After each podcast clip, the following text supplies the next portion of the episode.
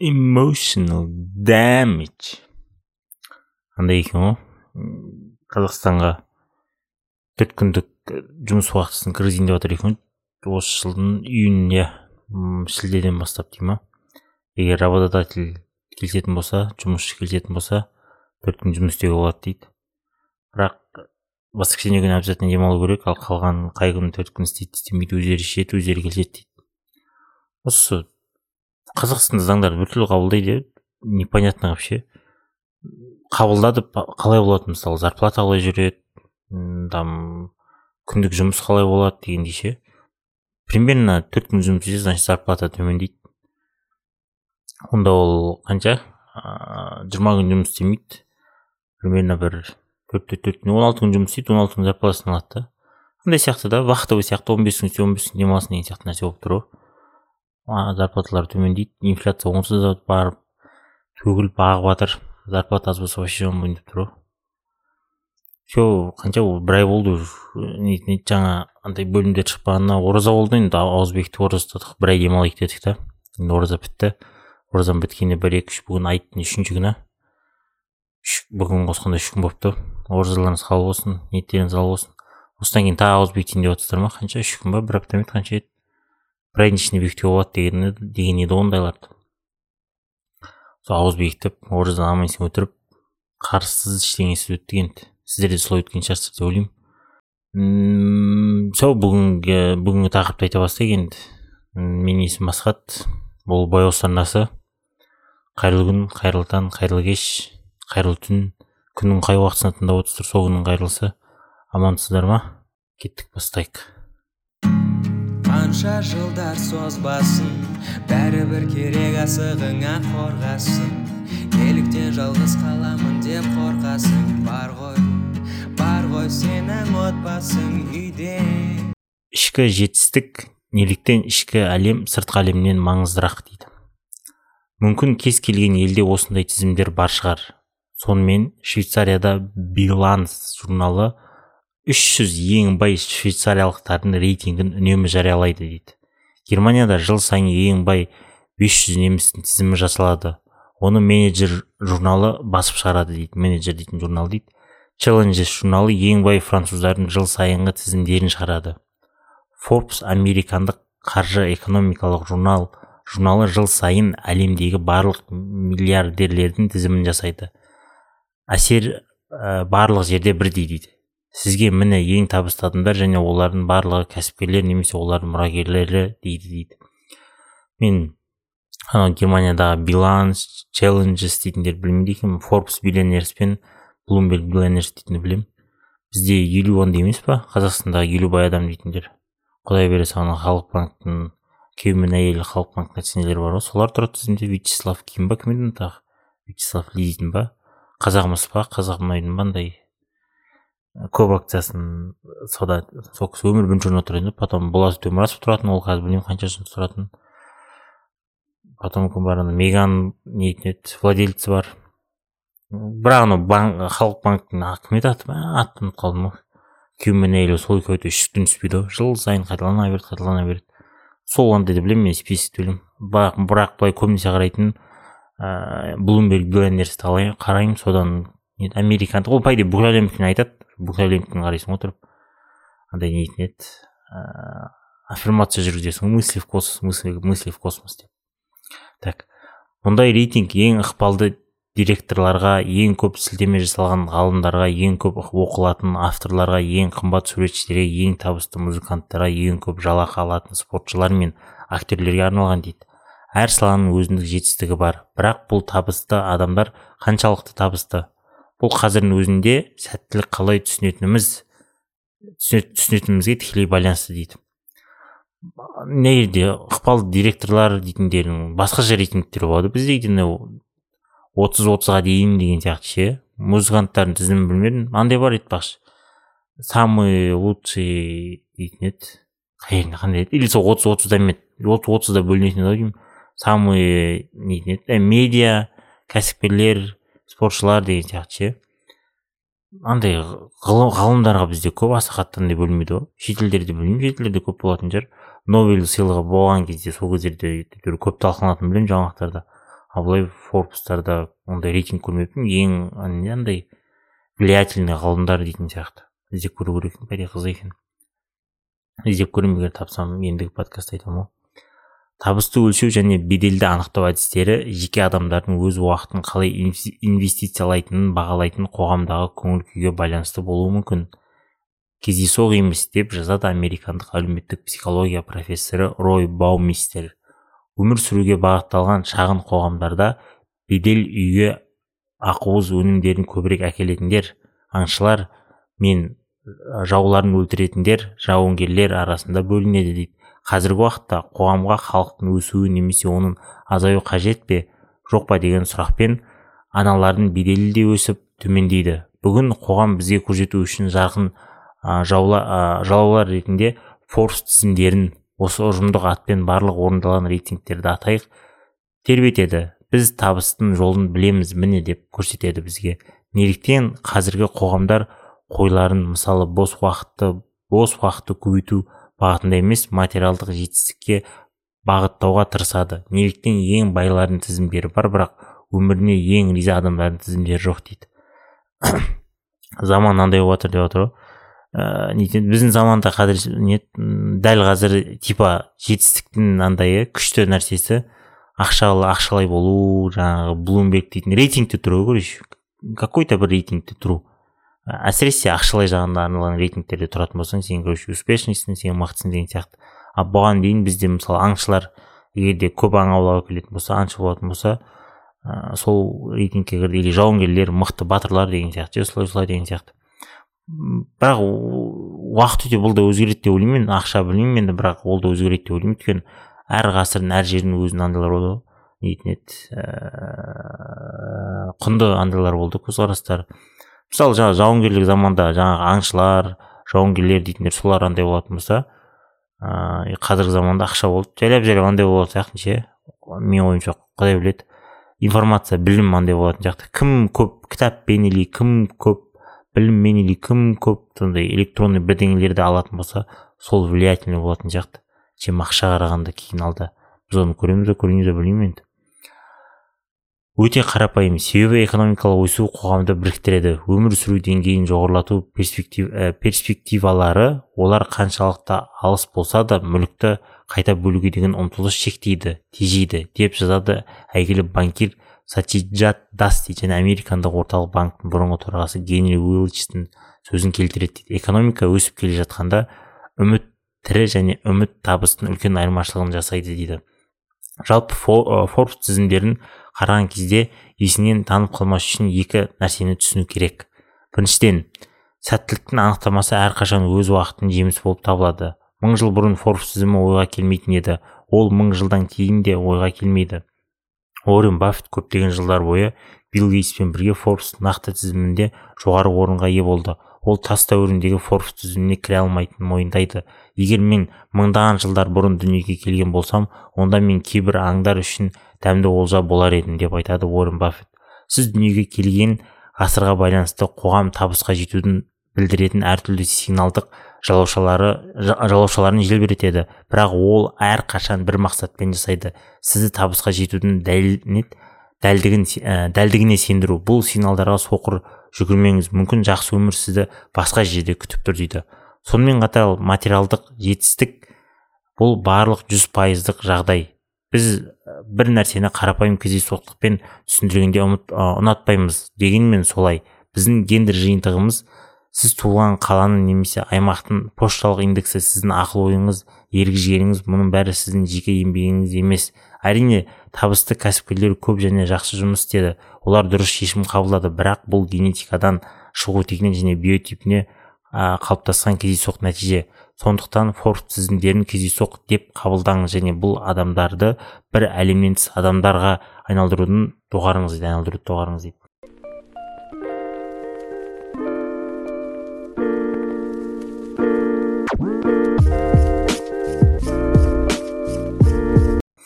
Адамдар андай деп жатыр мысалы кейбір нейтін еді адамдар жол болып туылады генетикалық ем болады деген сияқты ше. И соған байланысты олар тез жетістікке жетеді деп жатыр да. Мысалы екі түрлі болады. Егер де мысалы батяң миллионер болатын болса папаң и сені жақсы тәрбиелейтін болса сен короче жиырма жасқа келген кезде уже счетыңда бір он миллиард доллар жатады. И сен басың істесе соны жүз миллиард долларға дейін көбейтесің. Ал басың істемесе соның бәрін жаратып тастайсың дегендей да. Бірақ если сенде егер де басың істеп тұрса біреулер бар мысалы нетін еді ә, нольмен бастайды да и нольмен бастаған әлдеқайда қиын ғой? Чем бір нетін еді андай выхлоп бар болып бастайтын болсаң анау питер тилдің кітабы бар ғой от нуля к единице дейтін ше. Сол айтады да нөлден бірге бару өте қиын дейді да өте қиын және өте ұзақ тірлік дейді да. Өйткені сен нөлден цифр жасап жатрсың бір дейтін дейді да бір ғажап бірдеңе жасап жатрсың дейді да. А вот бірден кейін ары қарай өсу оңай дейді өйткені сен уже кішкене логика болады дейді. Бір бірге бірді қоссаң екі екіге бірді қоссаң үш деген сияқты сондай андай реттік пайда болады дейді а вот нөлден бірге дейін бару как бы не қараңғы жермен жүру дейді соқыр болу деген сияқты ше.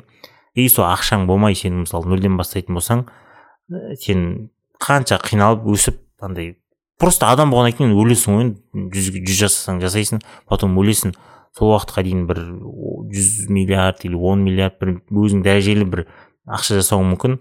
И сол ақшаны не балаң алады да бастайтын болса соны екі есе қылып көбейтіп жібереді да. Өйткені инвестиция жасайды сондай сондай алады дегендей да а вот ә, сенде ондай ақша болмай балаңа ондай ақша бере алмасаң балаң басын жасау бастан жасау керек болады да короче ойынды басынан ойнайды ғой начать игру заново деген сияқты ше. Загрузка жоқ сохранение жоқ. Недей контрольная точка жоқ дегендей ыыы сол үшін жаңа айтып жатыр да кейбір адамдарға сөйтіп генетикалық или жағдайлық или там жақсы бір елде мысалы туылып солай не өсуіне тез әсер етті деп жатыр да. Мысалы африка елдерін мысалы бірақ илон маск африка елінде туылған бірақ егер сен бір нигерия или вообще интернет жоқ жерде туылатын болсаң да ғой дамуың қиын болады ғой интернетті бір жиырма жасында бірақ көретін сияқтысың ғой бұл да әсер етеді деп жатыр бірақ жалпы любой жерден қазір андай қылсаң болады негізі дамысаң болады. Бірақ просто кішкене уақыт алады да чем ана адамдарға қараған кезде соны түсіндіріп жатыр ғой. Жақында менің мақтанышқа толы бір досым мультимиллиардермен бірге түскі асқа шақыру алған айт, алғанын айтты дейді. Мен жай иығымды қысып қана қойдым дейді. Неге мақтануға болады? Мультимиллиардермен кездесуді не үшін күту керек? Мультимиллиардердің ақша беру ықтималдылығы нөлге тең дейді. Бұл дегеніміз бұл адам қызықты әңгімелесуші бола ма жоқ деген ә, жоқ па дегенге әкеледі. Ал оның қаржылық жағдайы мүлде маңызды емес дегенді білдіреді дейді. Иә иә расымен кездесіп кездесіп алып егер саған қызық әңгіме айтпаса бірақ бұл жердің барлығында онымен кездесу дегенде жаңағыдай бизнес идея бірдеңе шірдеңе дейтін бірдеңелерді сұрау деген сияқты ғой. Ал обычно мультимиллиардерлер егер өзіне мен сондай боламын мысалы мультимиллиардер болсам мен айдалада біреумен кездескен кезде ондай әңгіме айтқым келмейді там.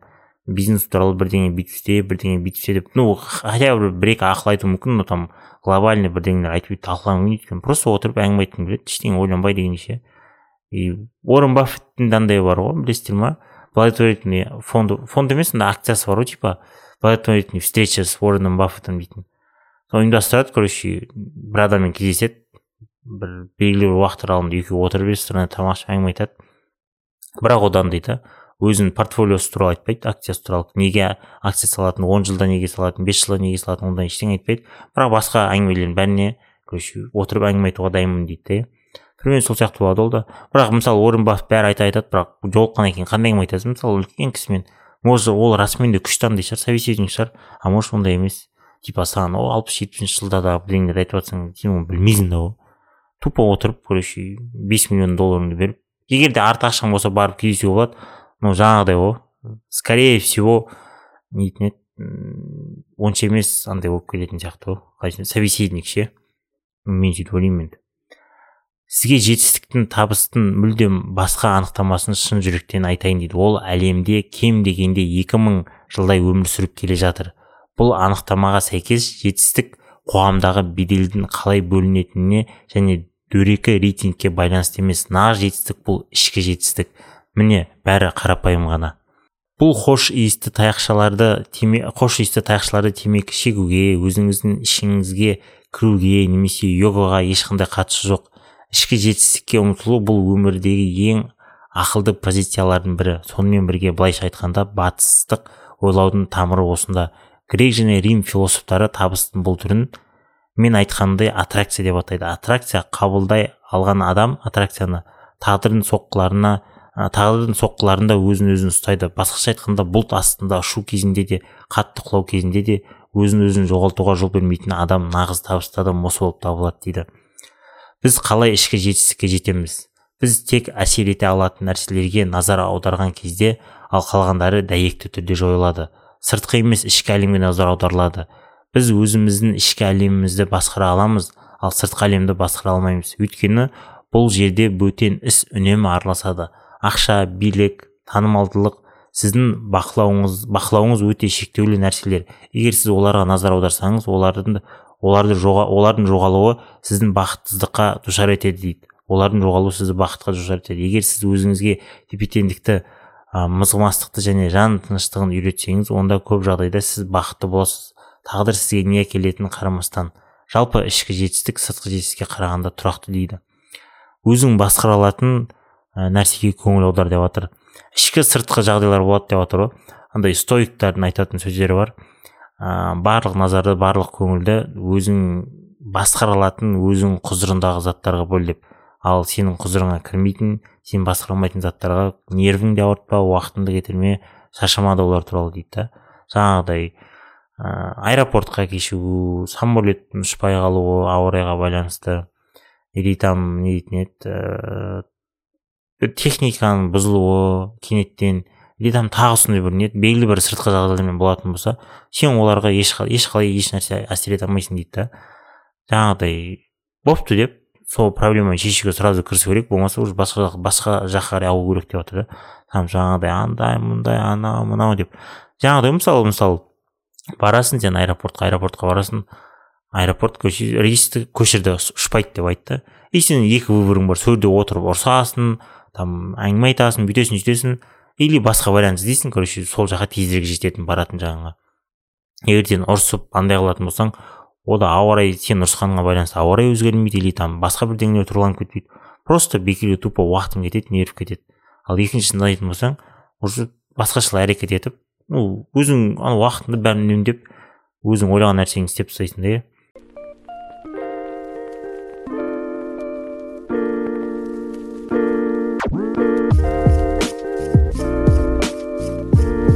джон вуден ақш тарихындағы ең табысты баскетбол жаттықтырушысы болды.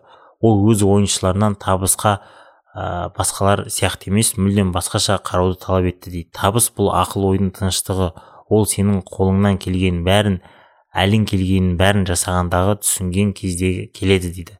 Сәттілік жеңіс атақтарында медалдарда немесе үлкен төлемдерде емес сәттілік бұл көңіл күй дейді. Бір қызығы сол кездегі президент джордж буш әйгілі жаттықтырушының президенттің бостандық медалімен марапаттады, бұл жерде бушқа бұл вуденің өзінен гөрі қатты әсер етті деп болжауға болады дейді. Жаңағыдай ғой ә, қанша ақша тауып жатсың қанша не қылып жатсың мысалы спортсмен болсаң да ә, бір заветный медальді алдың ба алмадың ба ол оған байланысты емес деп жатыр да главный өзің ойнап жатқан ойының ұнаса өзің кайф жатсаң болды деп жатыр да. Бәрібір де пенде болғаннан кейін бәрімізде болады мысалы мен баскетболист болатын болсам жаңағыдай плей офф тұтқым келеді кольцо алғым келеді ше. Енді хочешь не хочешь бәрібір алғың келеді ғой бірақ основной андай нетін еді вниманиені оған аудармау керек вниманиені ойынға аудару керек. Дейді өйткені сен өзің ең жақсы көретін ойынды ойнап жатрсың. Біріншіден екіншіден соған байланысты бәленбай ақша тауып жатрсың. Просто ойнап. И отбасыңды қамтамасыз етіп жатрсың да. И бай өмір сүріп жатрсың басқа не керек деген сияқты да. Жаңағыдай бар енді байлықтың бәрін көріп андайғаннан кейін уже тарихта қалу майкл джордан сияқты болу дейтін нәрселер олар уже енді кішкене басқа жаққа қарай қояды да шынымды айтсам ешбір адам сыртқы табысқа мүлдем мән бермейді және жүз пайыз ішкі жетістікке ұмтылмайды дейді. Дегенмен біз күнделікті жаттығулар арқылы идеалды ішкі күйге жақындай аламыз дейді. Әрине күннің соңында әр күннің соңында өзін өзі сынау емтиханын тапсыруға тырысыңыз дейді. Бүгін сіз неге сәтсіздікке ұшырадыңыз? Сіз улы эмоциялардың эмоциялардың күніңіздің уландыруына қайда және қалай жол бердіңіз? Сырттан қандай соққылар сіздің бақылау аймағыңыздан тыс нәрсе сізді қорқытып жіберді дейді. Дәл қазір сізге қандай психикалық құралдар көмектеседі? Осы сұрақтарды қою керек деп жатырмын мысалы бірінші бүгін сіз неге ә, сәтсіздікке ұшырадыңыз? Сіз улы эмоциялар эмоциялардың күніңіздің уландыруына қайда және қалай жол бердіңіз? Сырттан қандай соққылар сіздің бақылау аймағыңыздан тыс нәрсе сізді қорқытып жіберді? Дәл қазір сізге қандай психикалық құралдар көмектеседі? Осындай сұрақтар қою, қою керек деп жатыр вообще күннің соңында өз өзіңе сұрақ қойып қорытындылау керек дейді негізі. Егер де өз өзің андай болатын болсаң қалай айтсам болады довольный болатын болсаң жақсы ұйықтайсың дейді да и жан тыныштығы болады дейді и азында тұрған кезде не болса да бүгін жақсы күн болады деген оймен тұру керек дейді да. Бірақ қаяқтан параллельно осыған параллельно қарама қарсы қарама қарсы істейсің ғой. Жататын кезде соткышылап андай мындай қуанып жатасың тұратын кезде еп твою деп. Сондай ғой жиза ғой енді сіз зираттағы ең бай болуға міндетті емессіз дейді мұнда және дәл қазір ішкі жағынан ең сәтті болған жақсы күн сайын өзіңіздің шедевріңізді жасаңыз дейді джон вуден ойыншылардың ойыншыларының басына дейді. Ойынның басында дәл осылай жасаңыз. Толық ішкі жетістікке жету мүмкін емес бірақ бұл өмір бойы жаттығу болатынын жаттығу болатын нәрсе. Бұл жұмысты сіз үшін ешкім жасамайды. Сондықтан да ішкі жетістікке көп көңіл аударған жөн дейді. Шындығында сыртқы жетістікке байлыққа басқарушылық лауазымдарға құрметке немесе алтын медальдарға ұмтылатындар да ішкі жетістікке жетуді қалайды. Тек олар мұны түсінбейді. Қалаған бонусты алғаннан кейін директорлардың бірі 200 мың еуроға IUC швейцариялық, швейцариялық сағаттар сағаттар жинағын сатып алады дейді. IWC дейтін қандай сағат ол? Мүмкін ол осы сағаттармен өз білігінің көрінісіне риза болғандықтан шығар. Болмаса ол айналаға қызғанғысы келетін шығар. Қалай болғанда да ол өзін жақсы сезіну үшін осындай затты сатып алуға мүмкіндік берді дейді. Егер жоқ болса неге оны сатып алу керек дейді? Андай панты ғой панты болмау керек деп жатыр ғой қазақтарға арналған нәрсе ғой мынау. Панты егер сен бірдеңе алып мақтанып жатсаң значит сен ішкі жетістігің ноль сыртқы жетістік пен ішкі жетістікті компенсация жасағың келеді деп жатқан нәрсе деп отыр ғой. Бұл жерде жалпы айтып жатқан бақыттың бәрі өзің ішінде деп жатыр ғой бақыттың бәрі іштен шығады сырттан емес сырттан келмейді деп жатыр если ішкі нәрселерге көңіл аударатын болсаң бақыт іштен шығатын болса сол жақсы деп жатыр да. Мысалы бізде айтады ғой бәрі бақыт бақыт бақыт дейді да. Жалпы мысалы оқуды бітірген кезде мысалы айтайын бір универді бітірдің дейді да универді бітірдің. И сен ойлайсың мысалы қазіргі мақсатпен бес жүз мың тире алты жүз мың ақша болса маған жетеді дейсің ғой. Айына сондай ақша тауып жатсам маған жетеді дейсің да. И жұмыс істейсің белгілі уақыт өткеннен кейін сен айтасың е жоқ жоқ жоқ жоқ жоқ дейсің де бір сегіз жүз тоғыз жүз мың ақша болса сол маған жетеді. Плюс ипотеканың ақшасын дополнительно болса болды сонымен өмір сүремін болды болды болды дейді да и потом тағы кетесің тағы кетесің потом е жоқ мен өйтіп айтқан жоқпын дейсің. Мен өйтіп айтқан жоқпын мен бір жарым миллион и екі миллион ақша тапқым келген. Вот сол ақшаны алсам ғана мен бақытты боламын дейсің. Солай кете береді кете береді кете береді кете береді да. И сол вообще нетін еді андай ғой. Бірақ бір жағынан ақшалай ақша туралы да айту оңай. Өйткені басқа жағы да бар да мысалы ыыы күніне ақша таба алмай вообще ақша таба алмай от, нет отбасын қалай асырауын білмей вообще өлім мен өмірдің арасында жүргендер бар да ше. Оларға енді бүйтіп сабақ айта алмайсың сен ақша мындай мындай андай мындай деген сияқты ше. Бірақ жаңағыдай норманы білу керек деп жатыр да. Әр нәрседе өз нормасы бар деп жатыр да. Егер де сен как бы қолай берсең қолай берсең кете бересің кете бересің деген сияқты вообще бұл жерде мындай ғой таңдау ғой. Бақытты боламын деп таңдасаң таңдайсың. Бақытты боламын деген таңдауды таңдасаң бақытты боласың. Ал егер жаңағыдай ақшамен бірдеңемен бақытты боламын десең сол созбаған аласың да бірақ дальше кете бересің кете бересің. Ол кезде де тоқтай алатындар бар. Но ол кезде де уже андайға байланысты ішкі жағдайға байланысты. Егер де сен ішіңде бәрі норм болатын болса бәрі жақсы болатын болса ішкі андай нетін еді ә, күшің жақсы болатын болса тоқтап айналаңа бір қарап айтуға болады да что маған бұл жетеді бәрі жақсы деп ше. И егер ақша тағы келіп жатса оны бір благотворительностьке беріп тағы бірдеңелерге беріп или там білмеймін ақша ақшаның ақшаң артылып бара жатса істейтін көмектесетін нәрсе көп қой. Чем андай тағы тағы дегеннен гөрі. Ну болады если сен қалай айтсам болады. Ыыы ақша тауып жатрсың мысалы тағы ақша тағы ақша емес мысалы жұмыс істеп жатрсың бір жұмыс арқылы ақша тауып жатрсың егер де сен жұмысыңды дамытып мысалы баскетболистсің жаңағыдай.